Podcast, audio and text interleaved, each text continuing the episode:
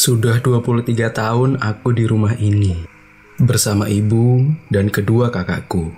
Kami berempat tinggal di sebuah rumah yang usianya lebih tua dari ibuku. Sampai pada suatu ketika, kami memutuskan untuk pindah karena satu dan lain hal. Banyak sekali barang-barang yang harus kami pilah untuk dibawa ke rumah baru, atau ditinggal saja di rumah lama ini. Masing-masing dari kami mulai memilih barang apa saja yang harus dibawa. Tentu di rumah ini sangat banyak kenangannya termasuk barang-barang yang ada di sini.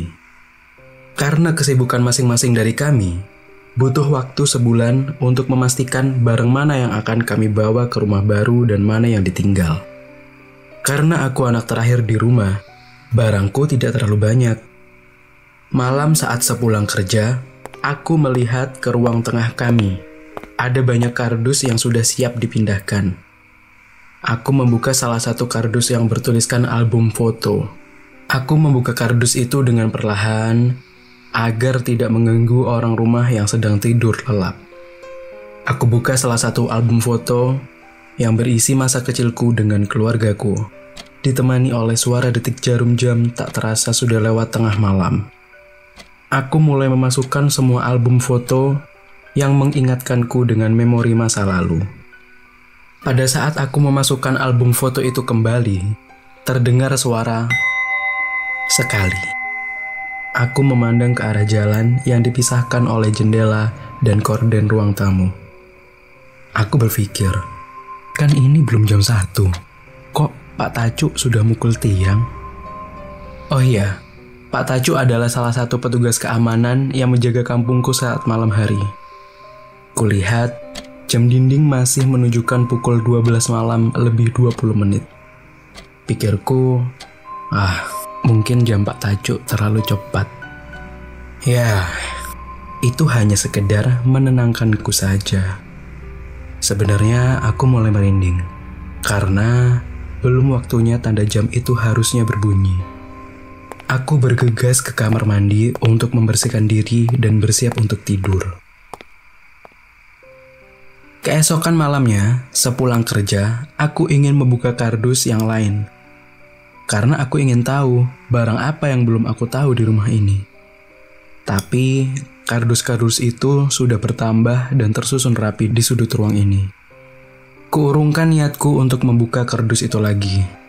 Tiba-tiba, langkahku membawaku menuju gudang belakang.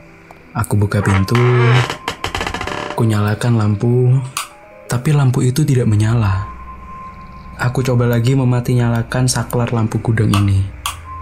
Tetap tidak bisa. Kemudian aku mencari senter untuk melihat gudang tersebut. Saat senter sudah menyala, aku arahkan ke arah gudang. Ternyata sudah tidak ada barang apa pun di gudang ini.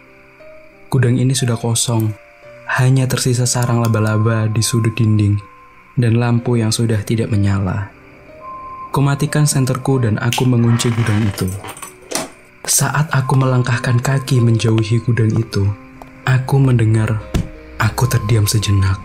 Tapi saat itu aku masih berpikir positif. Mungkin itu suara barang dari dalam kardus yang terjatuh.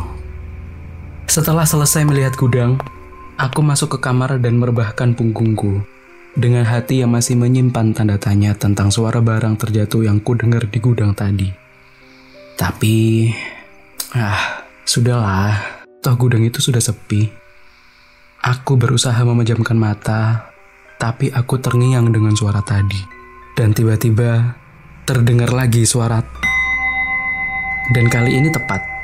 Aku melihat jam di kamarku menunjukkan pukul satu dini hari. Karena kemarin malam, Pak Tajuk memukul tiang tanda jam tidak pada waktu yang tepat.